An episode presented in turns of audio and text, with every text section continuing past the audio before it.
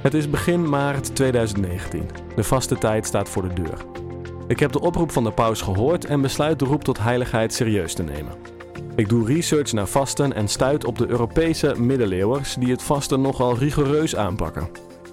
Zo was het in sommige streken gebruikelijk om niet te eten voor het sterfsuur van Jezus, drie uur in de middag, en om de gehele vaste periode een veganistische levensstijl aan te nemen. Ik besluit de vaste tijd vegetarisch door te brengen en niks anders te eten en te drinken dan water tot drie uur in de middag. Ik zit op kantoor, omringd door de geur van koffie, kijk elke vijf minuten op de klok en tel af hoe lang het duurt tot ik mijn lunch kan nuttigen. Dit is een podcast van katholiekleven.nl. Mijn humeur verslechtert en ik merk dat ik het alleen maar volhoud om mijzelf te bewijzen. Het is eerder trots dan een daad van liefde voor God en mijn medemens. Dus ik besluit om een tandje terug te schakelen. Mijn conclusie: ik kan mezelf best een korte periode iets ontzeggen. Dat is best goed om eens te ervaren. Maar nu waren de vruchten een obsessie met eten en drinken en een slecht humeur. Ik besluit op bezoek te gaan bij pastoor Tjepkema. Van doemnie naar priester, een hele stap hield in deze tijd. Na een jarenlange wrakseling had Tjitse Tjepkema uit bedaad die stap naam. Friese boerenzoon, voormalig dominee en nu pastoor in Drenthe van Koevoorde en onder andere Nieuw-Schonebeek en Wijteveen. En dat laatste is het plaatsje waar ik de eerste 18 jaar van mijn leven heb doorgebracht. Ik deel met hem mijn zoektocht naar heiligheid en vraag hem om advies. Ik denk dat voor ieder mens geldt dat uh, de weg naar de heiligheid, dat is een reeds en een nog niet. Want we zijn door het doopsel zijn we al geheiligd. Dus we, we zijn al arrivé. Dus er kan, kan een bepaalde rust uh, over je komen. Je hoeft het niet te verdienen. Je hoeft, het niet, je hoeft niet te presteren. Dat is de rust van het reeds. En een gezonde spanning. Ja, vanuit het reeds. Er is nog heel veel mogelijk. Laat ik mijn best doen dat er nog veel meer gaven in mij tot, tot, tot, tot ontplooiing komen. Ik heb een mooie anekdote. Ik heb een mooie anekdote. Eh, ik woon in Drenthe en hier is het algemene sfeer van gemoedelijkheid. Ik kwam een keer bij de oud papiercontainer hier in uh, Koevoorde en daar stonden vrijwilligers. En ik liet me zo ontvallen, goed, beter, best. En een van de vrijwilligers die keek me aan en zei tegen mij: Goed is goed genoeg. Ik was even sprakeloos. Want ik ervoer dat deze vrijwilliger helemaal gelijk heeft. Goed is ook goed genoeg. En zo leven heel veel mensen hier ook. Vanuit uh, het, het heden, het huidige, dat is voldoende. We hoeven niet steeds te streven naar hoger, beter enzovoorts. Maar later dacht ik erover na. Toen dacht ik, we hebben beide gelijk. De vrijwilliger heeft gelijk. Goed is goed genoeg. Maar het is ook waar goed, beter, best. Dus de Heer appelleert aan een ieder van ons. Dus dat vanuit die rust, dat goed goed genoeg is, dat je in de doop alles al hebt ontvangen, dat dat ook, die gave is een opgave om ermee er iets mee te doen. In de, in de, in, je, ziet in die uh, parabel van de, van de talenten, dus als je talenten begraaft, dat de Heer uh, je dat zeker niet in dank afneemt. Dat Hij je, je, rekenschap vraagt. Hè? Zegt van wat heb je met je talenten gedaan? Dus die, die spanning, dat vind ik dus typisch katholiek altijd dat en en. Ik vind dat fantastisch. Dat is de spanning van een, van een snaar van een viool. Hè? Er moet spanning zijn. Als er geen, geen spanning zit op, op, op een snaar, dan kan er geen muziek gemaakt worden. Dus die, er hoort ook een gezonde spanning te zijn. Dat betekent niet dat je gestrest bent van ik moet nu heilig worden. Maar wel zoiets van, uh, van laat ik muziek maken. De, of, laat, de, laat de Heer maar op mijn snaar muziek maken. Zo op die manier.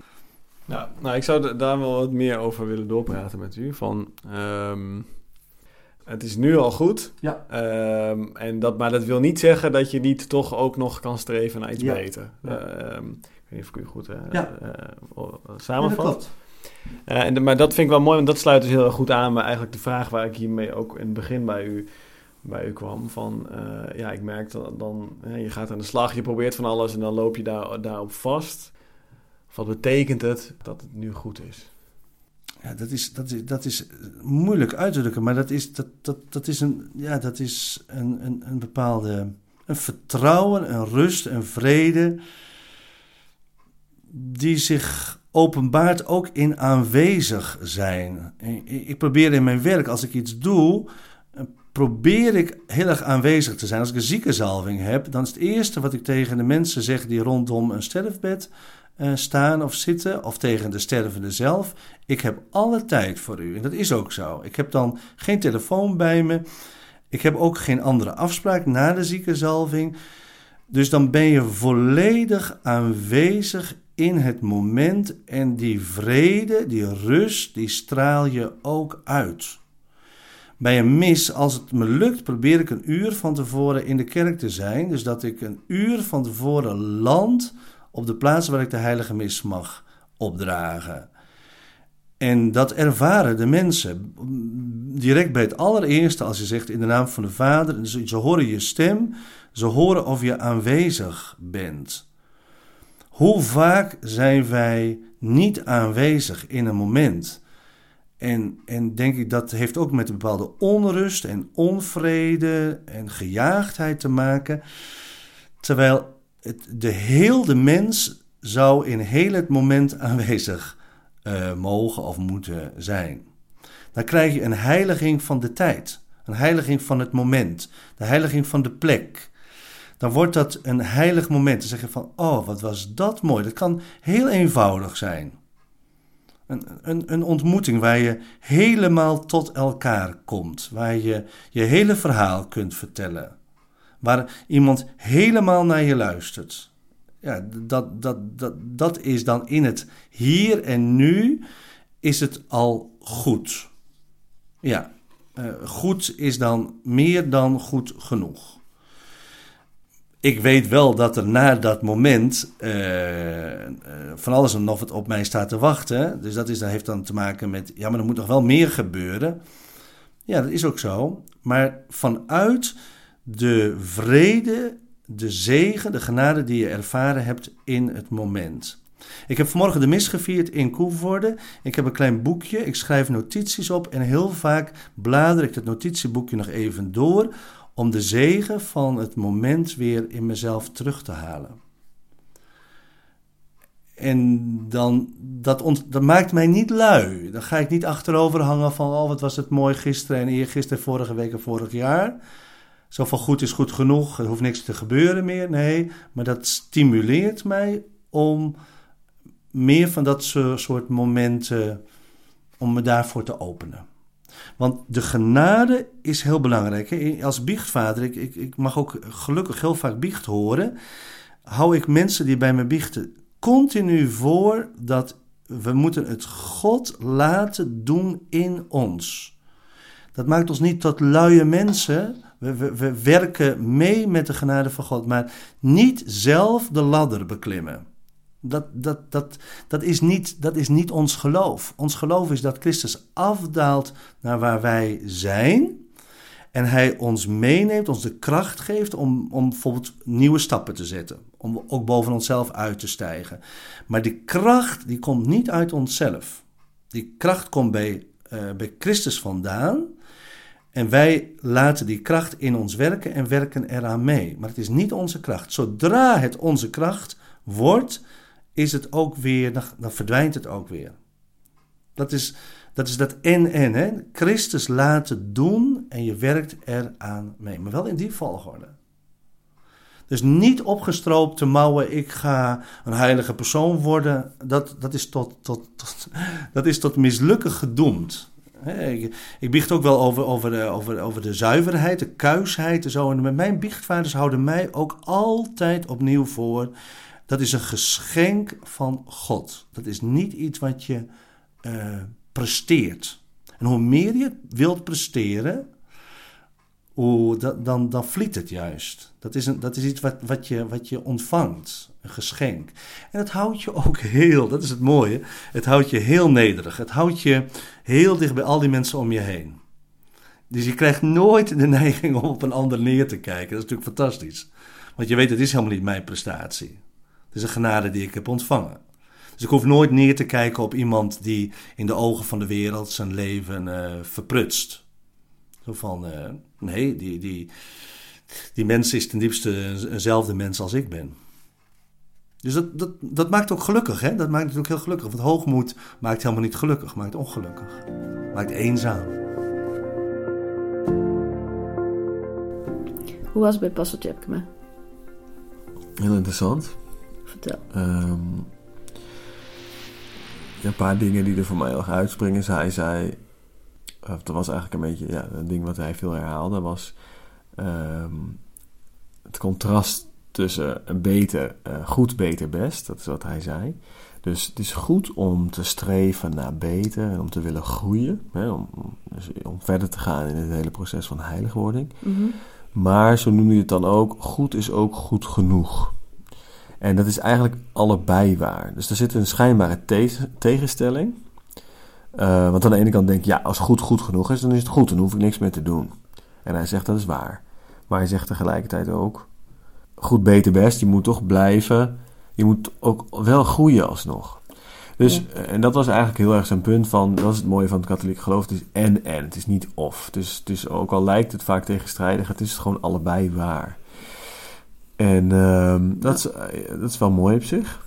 Maar hoe weet je dan wanneer je het een moet doen of het ander? Nou, in principe zoals ik het begrijp, is natuurlijk omdat we gedoopt zijn, ben je, en als je in een staat van genade bent, dan ben je in principe hè, met, bij God, je bent, ja, ik ben natuurlijk geen theoloog, dus ik vind het lastig, ik ben bang dat ik nou foute dingen zeg, maar... Zeg gewoon wat jij denkt. Um, je, je, het is al goed, zeg maar. Je hoeft niet jezelf te bewijzen, je hoeft je niet op te boksen, je hoeft niks te verdienen, je hoeft niks te... te uh, het is goed, God houdt van je, je bent gedoopt, je, je bent in de staat van genade, je, je bent in vereniging met God, zeg maar. Je ontvangt Mhm. de genade van de Heer. Dus het is al goed. Mhm. En tegelijkertijd is het nog steeds een uitnodiging om niet, ver, om niet dan daarin te blijven uh, hangen. Ja, of ja, wel dus daarin te blijven, maar Hm. tegelijkertijd verder te groeien. Te zeggen, ik wil nog, ik wil wel heiliger worden. Ik wil wel um, dichter bij God komen nog, want het kan nog steeds. Ik kan nog steeds heiliger en dichter bij God komen, ook al is het nu al goed. En hetgene wat mij dan wel heel erg aansprak, en, want ik, en ik vermoed zo dat het jou uh, ook uh, zal aanspreken over mij, dat, dat ik dus dacht van, uh, ik ben uh, wel iemand die veel bezig is met de toekomst en wat beter moet en wat ik anders wil zien. Mhm. Maar dat hij dus heel erg uitnodigt om te zeggen, het is nu al goed. Er mag rust zijn. Mhm. Het is goed. We zijn geheiligd door onze doop. Dus meer in het moment leven, als ik het even zo op een hippe manier mag zeggen. Mhm. Dat is wel iets waar ik denk ik aan mag werken. Maar misschien denk jij dat, dat ik dat wel heel goed doe. Ja, ja nee. ik denk dat je af en toe wel meer hier mag zijn. Niet met je hoofd in de hemel. Nee, grapje. uh, nee, nee, ik denk dat ik wel snap wat je zegt daarin. Ga ik proberen om wat meer in het hier en nu ook te leven. En niet alleen maar bezig te zijn met hoe ik wil worden. Maar ook gewoon blij te zijn met nu.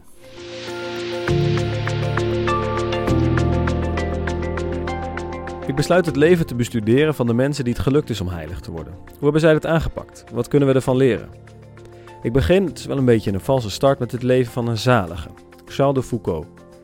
Een paar jaar terug heb ik een boek over zijn leven gelezen en zijn leven met een sterke liefde voor afstervingen maakte een blijvende indruk op mij. Deze zalige had een goddeloze jeugd waarin genotzucht voorop stond, maar na zijn bekering ontwikkelt hij een voorliefde voor afstervingen. Hij verlaat bijvoorbeeld het moeilijke leven in een trappistenklooster met toestemming van de abt, maar om een bijzondere reden, hij verlangt ernaar nog ascetischer te leven. Hij probeert een nieuwe congregatie te stichten en hoopt dat anderen zijn manier van leven wil volgen. Maar hij vindt niemand die zo wil leven als hij zelf. Ik luister naar de Heilige van de Dag, een programma op Radio Maria waarin Michael As het leven van Charles de Foucault beschouwt. Na zijn wijding vertrekt Charles naar Beni Abbé, een kleine oase in de woestijn in het zuidwesten van Algerije. Ver van de wereld, dicht bij God. Daar bouwt hij op een paar zandduinen een kloostertje. Als de kleine broeder Charles van Jezus schrijft hij daar twee regels voor twee nieuwe orders. Leven als Jezus van Nazareth, delen in het leven van de arme naaste. De officieren van het nabijgelegen garnizoen brengen hem eten, dat hij weer sneller weggeeft dan dat hij het krijgt. Zelf eet hij niet meer dan een stukje brood, gesopt in iets wat op thee moet lijken. Hij wacht op volgelingen, mannen die hem willen volgen in dit harde, godgewijde leven. Maar hij wacht tevergeefs. Met een oude legervriend reist hij naar het zuiden, waar hij opnieuw begint. Wanneer in 1914 de Eerste Wereldoorlog uitbreekt, ruiken de Afrikanen hun kans. Onderdrukte vrienden worden ineens vijanden. Tuaregs overmeester Charles dwingen hem te knielen, zijn geloof in Christus af te zweren. Maar broeder Charles zegt liever te sterven. Dan klinken in de donkerte van de nacht verre schoten van wat zij vrezen Franse soldaten. Voor alle zekerheid wordt een geweer tegen het hoofd van onze zalige gezet. En dan stort op 1 december 1916 onze heilige kluizenaar, 58 jaar oud, ter aarde neer. Zalige Charles de Foucault, bid voor ons. Een indrukwekkend leven, maar in mijn maatstaven een verschrikkelijk leven. Een man die leeft in een zelfgebouwd houten hutje in Noord-Afrika, leeft van een beetje droog brood en alles wat hij krijgt geeft hij weer weg. Hoe zou ik ooit een dergelijk voorbeeld kunnen proberen na te volgen? Ik praat erover met pater Elias, broeder van Sint-Jan in Utrecht. Heel strikt genomen, een offer is een, is een handeling ten koste van jezelf, die je doet om iets toegankelijk te maken. Uh, wat anderen niet zien, wat jij nog niet kunt zien, maar wel wilt zien. Ja, een, een, offer is in principe iets wat, wat een mens brengt om de grens te overschrijden. Uh, niet binnen deze wereld, maar van, van de andere wereld. Dus een offer brengt je altijd vanuit wat je wil zien. Uh, en dat breng je niet vanuit een ideaal beeld wat je van jezelf hebt. En daarom is het ook goed dat een heleboel heilige verhalen eigenlijk volstrekt onhaalbaar zijn. Zodat je gaat kijken niet zozeer naar wat hebben ze gedaan, maar wat wilden ze zien en wat hebben ze gezien. Een profeet heeft gezien, uh, iemand die de wet naleeft, die wil zien. Um, dus dus, dus zeg maar het precieze voorbeeld van een uh, heilige, dat is in principe nooit na te doen. Maar wat de heilige wil door zijn uh, excentrieke leven en eigenlijk ook zijn onmogelijke leven, is, je, uh, is getuige van iets wat hij heeft gezien. Een offer is een getuige. Is je getuigenis. Niet een getuigenis met woorden, maar uh, getuigenis met je hele persoonlijkheid. En natuurlijk, omdat de mens vaak lichamelijk een beetje de vijand is van zijn eigen ziel, is het heel normaal dat de uitingen van offers ja, dat die altijd toch een zeker geweld zijn voor het lichaam en voor de natuurlijke instincten.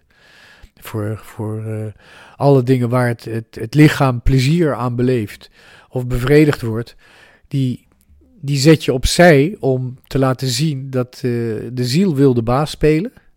Hè, dat mag. Maar het zijn vooral de verlangens van de ziel die het leven moeten ordenen.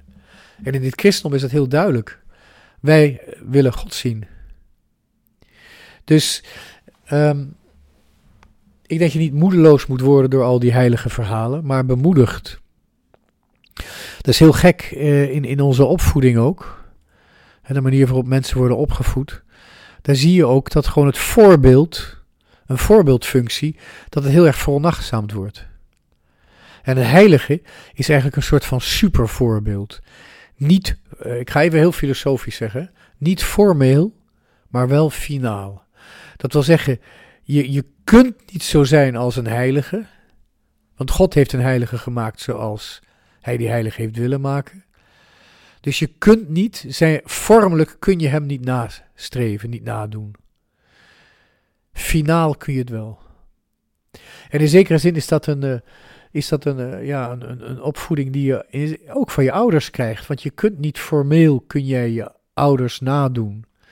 Maar wanneer ze van elkaar gehouden hebben en ook gegeven hebben, eh, tot het uiterste toe en trouw zijn gebleven, dan, dan is dat een, een, een niet vormelijk, maar wel eh, finaal voorbeeld. Hè? Bijvoorbeeld een, ont- ontzettende gezellige huismoeder die heel lekker kan koken. Het kan best wel zijn dat hij een wereldkampioens voetbal gaat produceren.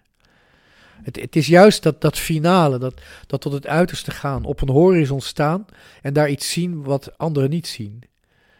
Dat is juist zo belangrijk bij het brengen van offers. En nog even teruggaan op wat u zei van, u, u zegt ergens, ehm, de verlangens van de ziel spreekt u over, die moeten we leren volgen. En begrijp ik goed dat u zegt dat dat zijn, die verlangens van de ziel zijn, God willen zien. Nou ja, als de ziel de genade heeft, wel ja. Dat is, dat is, het, dat is het, eh, de, de keuze die we maken bij een bekering. Is zeggen, wordt de, blijft de ziel, mijn ziel, mijn vrije wil, mijn verstand, blijft dat de slaaf van mijn lijf? Of ga ik zeggen, nee, ik ontdek dat in mijn verstand, in mijn hart, heb ik een openheid naar iets goddelijks, naar iets wat mij volledig overstijgt. En ga ik daarnaar luisteren. Ja, dan moet het lichaam moet toch echt zeggen: jongens, eh, ik ben de verblijfplaats, ik ben het instrument, maar ik kom wel op de tweede plaats. Hè? En ja, dat, dat, dat is ook iets wat, wat er. En daar, is, daar is, zijn offers wel weer goed voor, is om bepaalde deugden aan te leren, waardoor dat vanzelfsprekend wordt. Een deugd is in feite een kwaliteit die je krijgt, waardoor de ordening tussen het geestelijke en het lichamelijke, tussen de ziel en het lichaam, en tussen de ziel en God, die de schepper van de ziel is, die ordening wordt daardoor geregeld, die, dat wordt deel van je persoonlijkheid. Hè? Deugd heeft alles met karaktervorming te maken, zo zagen de Grieken het ook. Iemand heeft karakter als hij deugden heeft. Hè? Een, een, een karakter kun je als iemand met karakter, zoals wij dan zeggen, met persoonlijkheid, dat kun je als het ware opsplitsen in verschillende eigenschappen die we de, deugden noemen.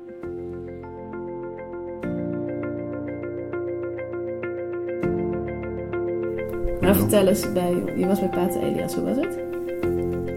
Ehm, mooie aanvulling. Het gesprek met pastor Tjepkema. Nou, dus Pater Elias zegt, je moet niet heilige gewoon naproberen te doen. Eh, eh, eh, een heilige, zeg maar de ascese van een heilige letterlijk kijken en in een boek, lezen in een boekje wat doet een heilige allemaal en dat nadoen. Dat gaat gewoon niet. Dat is niet haalbaar en dat is ook niet wat we zouden moeten doen. Maar, zegt hij, we moeten de heiligen volgen in wat ze willen zien. Nou, Pater Elias is natuurlijk iemand die echt op een filosofische manier spreekt. Dus ik kan niet zeggen dat ik alles al helemaal begrijp, dat ik het helemaal kan, kan omvatten. Dat is echt iets om over op te herkauwen en om over na te denken. Maar dus de, het is goed om de heiligen na te doen in wat ze willen zien. En wat ze willen zien is God. Niet letterlijk kopiëren. Nee. Nou, deden vroeger heiligen andere heiligen niet na dan?